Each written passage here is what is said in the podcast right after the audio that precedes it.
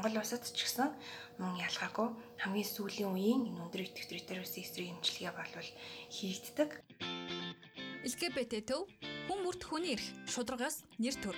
Та яг одоо Mongolian Queer podcast-ийг сонсож байна. За сайн байцгаана уу эрхэм мөндөд сонсогчдоо. Mongolian Queer podcast маань эхэлж байна. Тэгээд энэ удаагийн дугаарт бас манай ертөлийдээ төрийн бус байгууллагаас бидний дэмжиж байгаа.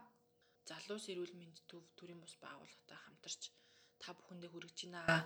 За манай зочин өөрийгөө танилцуулна уу? Сайн байна уу? Сайн байна уу? Сайн байцгаана уу сонсогчдоо. Аа намайг Сэцэн гэдэг залуус эрүүл мэнд төв төрийн бус байгууллагын аа Скепа хөтөлбөрийн мэрэгчлэн байгаа. Аа манай урилгыг хүлээн авсанд маш их баярлалаа. Урьж оролцсон бас баярлалаа.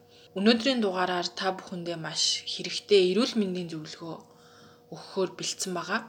Тэгээд ялангуяа нөгөө 12 сарын 1-нийг тохиолдуулан яг бэлгийн замын халдварт өвчин ХДХВ-гийн талаар та хэд яг дэлгэрэнгүй бөгөөд айгүй аль болох товч тэгээд хэрэгтэй мэдээлэл өгөхийг зорих болно.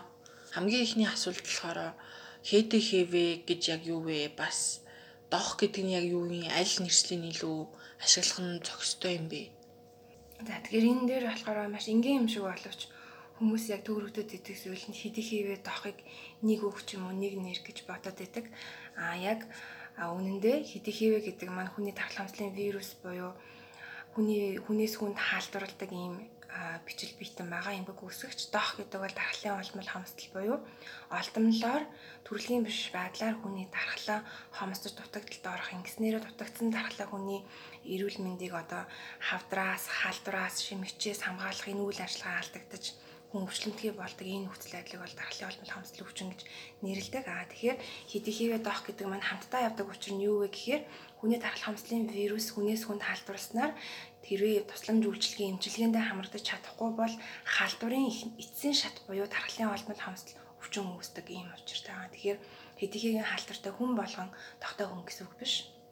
Тархлын олмол хомсдол доох гэдэг бол хэдийхээгийн халдварын эцсийн шат нь байдаг. А хэдийхээгийн халдвартай хүн дохоор өвчлөхгүй насан туршдаа зөвхөн хэдийхээгийн халдвартай амьдраад байх боломжтой. Заавал дохоор өвдөх албагүй байдаг.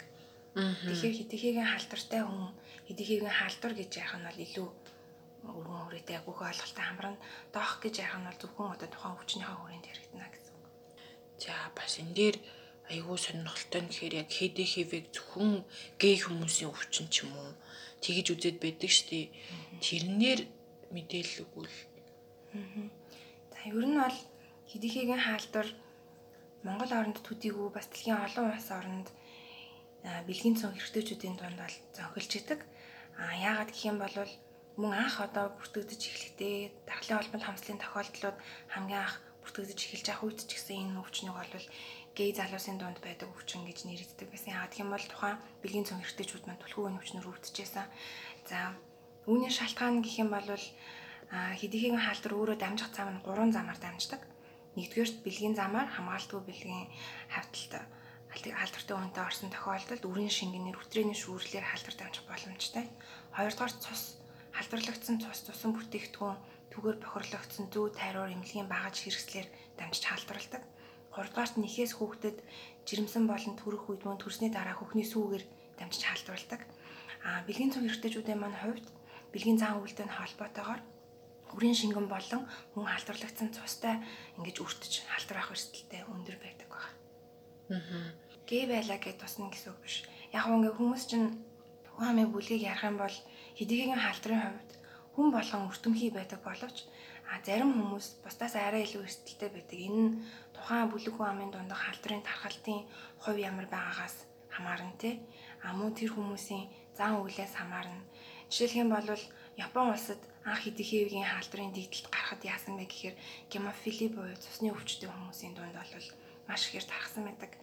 Энэ тэр хүмүүс маань өөрсдийнхөө өвчин эмгээс болоод байнга цус сэлбүүлэх, цусан бүтээгдэхүүн хэрэглэх шаардлагатай болдог гэсэнтэй холбоотойгоор шинжилгээгүй тийм хэдийгийн хаалтвартай тус тусан бүтээгдэхүүн хэрэглэснээс болоод яг тэр гемофили өвчтөй хүмүүсийн дунд бол тархалт маш өндөр болсон байдаг. Тэгэхээр энэ мэдчлэн яг өөрийнхөө өртөх одоо эрсдлээрээ шалтгаалаад зарим хүмүүс арай илүү өндөр зарим нь арай багарчлаа байдаг боловч хүн болгон хэдийхийг халдварт мэдрэг байдаг. За тэгээд одоо нөгөө хийдий хивэгийн халдвар авсан бол шууд өхөн гэдэг ойлголт байдаг штэ тий баг нөгөө саний хэлдгээр шууд тох тусаад ер нь л одоо амьдрах найдваргүй болсон ч юм уу энэ дээр яг орчин үед ямар тайлбар өгж байгаа бол За тэгэхээр мэдээж хэдийхийг халдвар бол тавилан тодорхой. Аа энэ бол хэрвээ эмчилгээнд хамрагдаагүй бол цагт нь тусламж үйлчлэгийг авч чадаагүй байх юм бол нас баралтаар төгсдөг ийм халдвар байгаа. Эдгэгийн халдвар авснаас хойш эмнэлзэн дөрвөө шатыг дамжин дөрөвдүгээр шатандаа дархлын олмол хамслаар үүддэг. За энэ үедээ ч бигсэн эмчилгээ тусламж үйлчлэгэнд хамрагдсан тохиолдолд хүн нас барахгүй амьдрах боломжтой. А гэхдээ бүр маш одоо хожуу хичнээн одоо эмчилгээ хийгээд ч дархлаа иргэн сэргэх боломжгүй болсон ийм үед бол бас нас оролтоор төгсөх тохиолдол байдаг. А гэхдээ өнөөдөр хэдийхээгийн халдвартай онцлогдсон хүн хэрвээ өвчнөөхөө эхний үе шатанд эрт онцлогдоод тусламж үйлчлэгэнд хамрагдаад эритровирусын эсрэг эмчилгээнд хамрагдаад тэр нь үргэлжлэн бол хэдийхээвийг устгадаг юм юм унаа гэсэн үг тийм. Ингэх юм бол а насан туршдаа бурхан тэр хүнд одоо ямар амьдрах хугацаа заяасан байдгийг тийм. Тэр хугацаагаараа өвтөхгүйгээр дархлаа унахгүйгээр эрүүл амьдрах бүрэн боломжтой ийм цаг үед бид нэр амьдарч байна. Аа тэгэхээр одоо бас амар айцтай байхаар өвчин биш болсон юм байна тий. Тийм. А өөр өнөөдөр бол дэлхий дээр 200-аад брендинг хэдий хивэгийн эсрэг юм болвол патент авсан байдаг. За тэгээд өндөр идэвхтэй ретровирусын эсрэг эмчилгээ гэдэг эмчилгээг бол дэлхийн улс орон болгонд яг энэ хэдий хивэгийн халдвартай хүмүүст хийхдгээр бол эмчилгээ тусламж үйлчилгээнийхний стандартад орсон байдаг. Монгол улсад ч гэсэн мөн ялгаагүй хамгийн сүүлийн үеийн энэ өндөр идэвхтэй вирусын эсрэг эмчилгээ болвол хийгддэг. Тэгэхээр хамгийн гол асуудал нь тухайн хүн маань хэдийгээр халдвартай гэдэгтэй биш халдвартай байх юм бол эмчилгээ нь байна тий тусламж үйлчилгээний эмчилдэг эмчин байна манай оронд хүртэл байна эмнэлэг нь байна эмчин байна эмэн байна а гол асуудал нь юу вэ гэхээр хүн маань өөрөө хэдийгээр халдвартай эсгийг мэдж байгаа дээр л тэр хүн онцлогдож гэнэ үү гэдэг дээр л асуудал байна. Хэрвээ онцлогдоод тусламж үйлчлэгэндээ хамрагдах юм бол энэ бол үхэл занал хийсэн юм айхтар хаалдвар төвчөн байха болсон байна. А эмчилгээтэй болсон байна. Эмчилгээтэй архаг хаалдвар гэж бол тооцоологдож явдаг.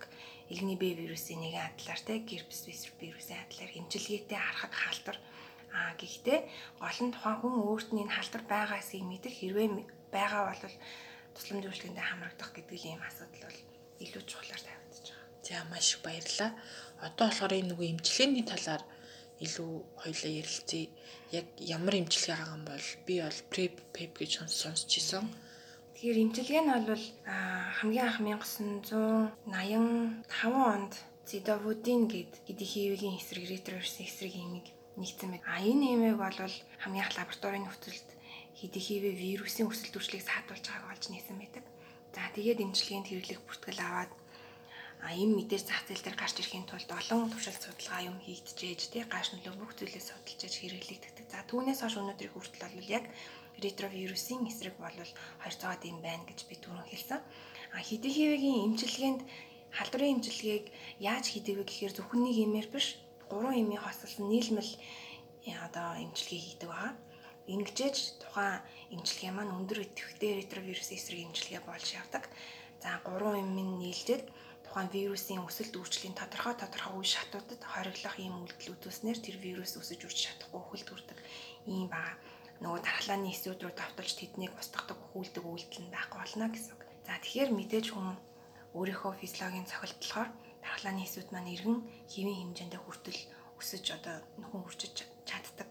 А тэгээд тухайн хүнийг дархлын олмол хомслоор өвдөхгүйгээр хэвийн дархлаатай ямар одоо бусад хэдийхийг халдваргүй хүмүүс шиг ханаа том бусад одоо өвчмөгт өртөх байдал нь яг адилхан төвшөнд очно гэсэн. Тийм байдалтай эрүүл мэнд нь амьдрах боломжийг олгодог. За энэ юм нь болохоор мөн зөвхөн хэдийхээгийн халдвартай хүмүүст халдварын эсрэг имчилгээ болохоос гадна урьдчилан сэргийлэх ач холбогдолтой байдаг.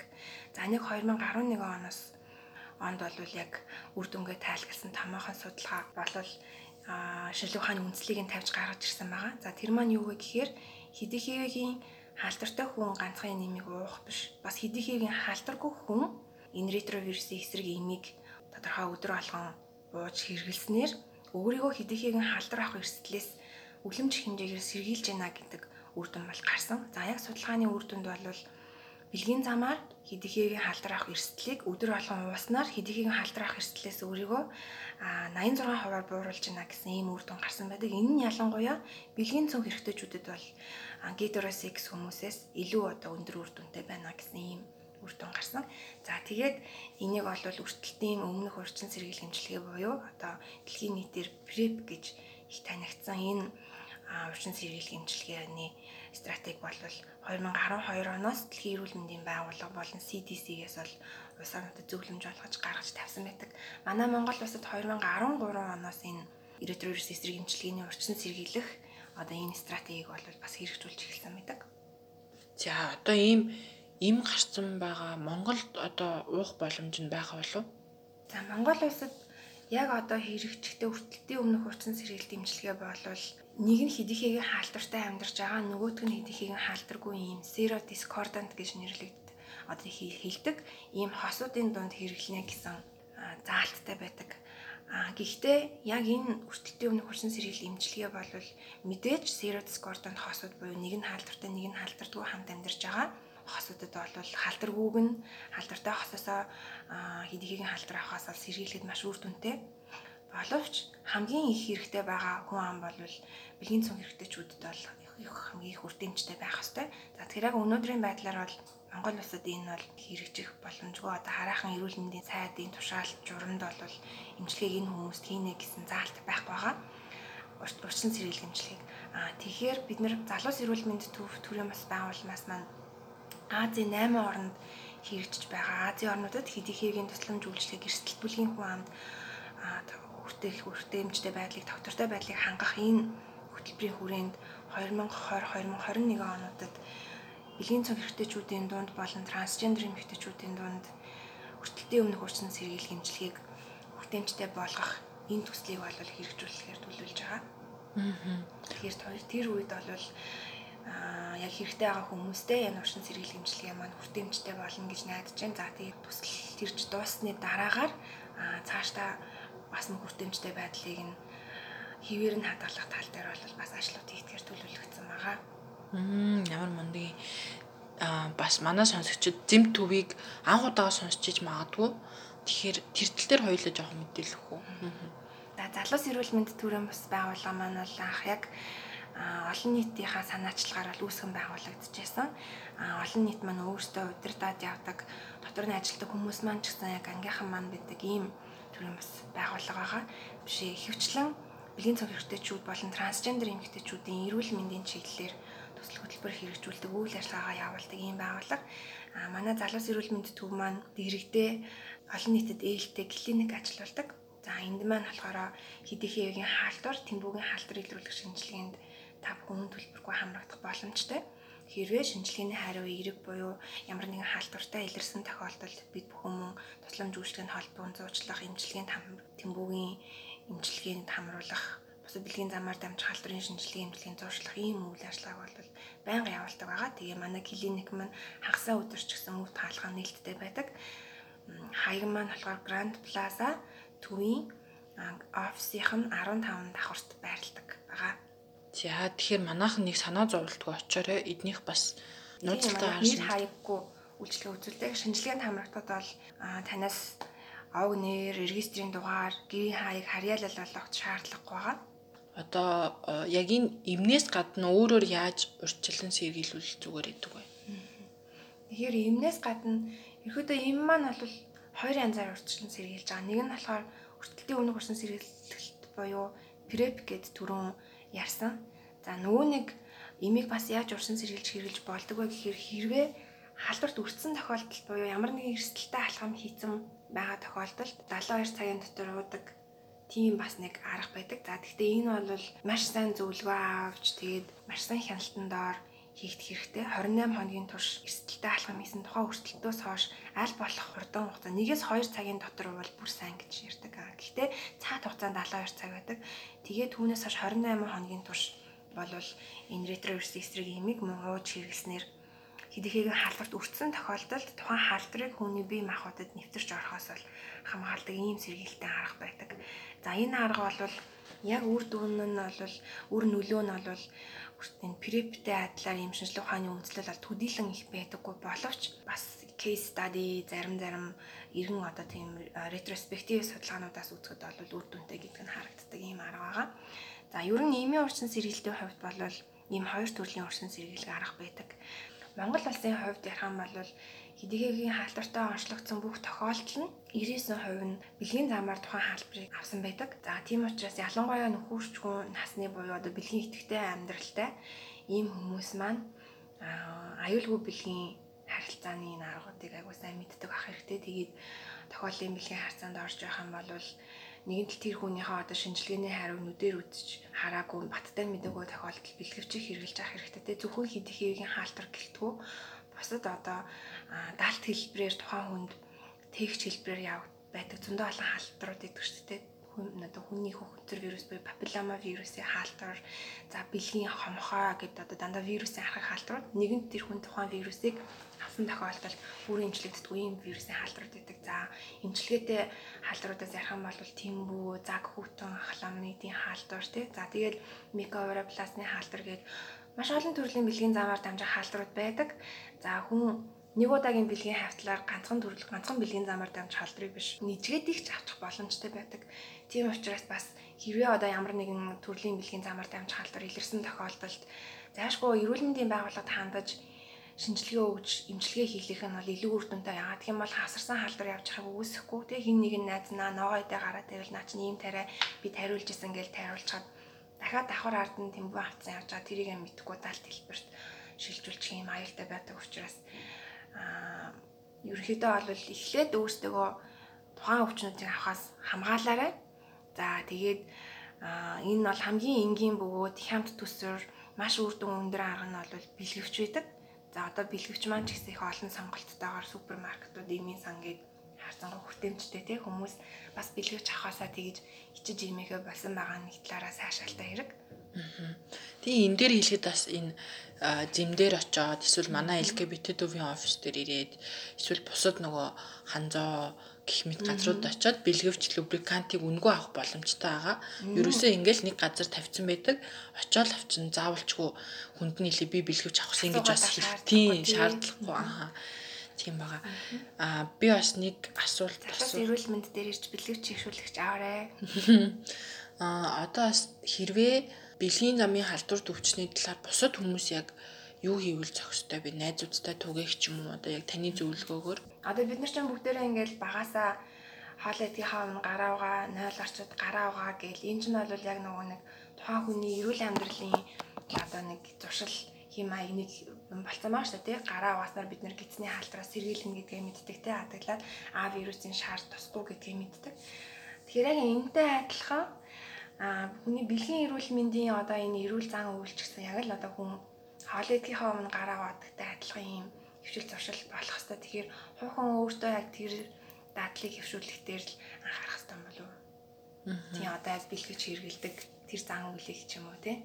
Та ямар таны бэлгийн амьдрал ямар бай тэгэл тэрэндээ нийцүүлээ та өөрийгөө яаж зэрэглэх боломжтой бай. Тэрийг л хөвшүүлэх нь зүг болов гэж бодож байна. Энэ дээр манайхан ч гэсэн бусдад айл болох зөв мэдээлэл түгээгээд бусдад ч гэсэн аль болох эрүүл байхад нь туслаад хин нэг нь хэрэгтэй хүнд нь энэ мэдээллийг түгээгээсэй гэд сайн хуваалцаарай. Бас унших холбоосыг энэ подкастын доор оруулсан байгаа. Тэгэхээр та хэд бас унших холбоосын шеэрлэж олно. Хэрэгтэй хэсгүүдийн копи хийж агаад постлж болно шүү гэж хэлмээр байна. Тэгээ маш их баярлалаа. Хүмүүрт хүний эрх шударгаас нэр төр.